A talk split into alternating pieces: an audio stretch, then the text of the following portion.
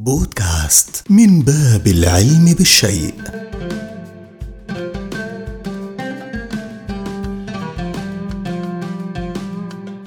إنه العام 1832 وبعد مرور سنوات على انطلاق فكرة صناعة السيارات الكهربائية على يد الإسكتلندي روبرت إندرسون حيث صنع أول عربة كهربائية في إسكتلندا مع بطاريات بدائية حيث كان يتم تشغيل العربة بواسطة خلايا طاقة أولية غير قابلة لإعادة الشحن. وتمر الأيام ويتربع على عرش تاريخ صناعة السيارات الكهربائية الفيزيائي الفرنسي جاستون بلانت حيث اخترع بطارية قابلة لإعادة الشحن مما أسفر على ترك بصمة لا تنسى في تاريخ صناعة السيارات الكهربائية.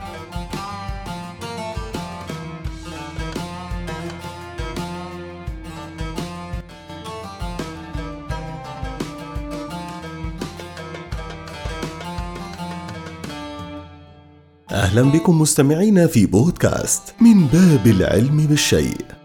أنا أحمد وهذه الحلقة بعنوان ثورة السيارات الكهربائية.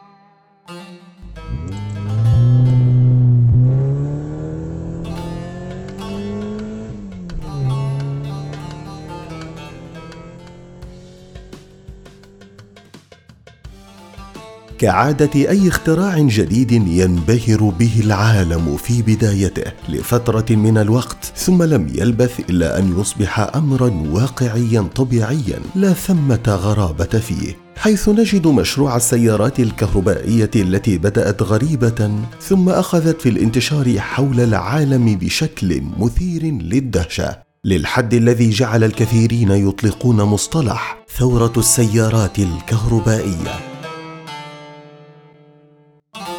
وهي بلا منازع. سيارات متميزة وأحدثت طفرة وثورة في العلم الحديث. وتقوم على شحن المحرك بالكهرباء مما يوفر الكثير من المخزون الاستراتيجي للوقود.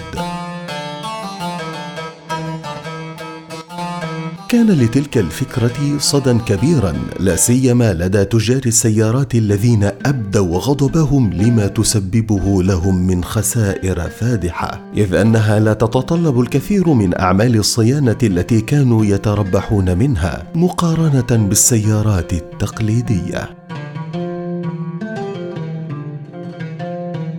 أرجو أن تكونوا قد استفدتم بهذه المعلومات. انتظروني في حلقات قادمة في بودكاست من باب العلم بالشيء. إذا أعجبك هذا البودكاست أخبر عنه أصدقائك ويمكنك الاستماع دائما عبر المنصات Spotify، Apple Podcast، Google Podcast و SoundCloud كنت معكم أنا أحمد. إلى اللقاء.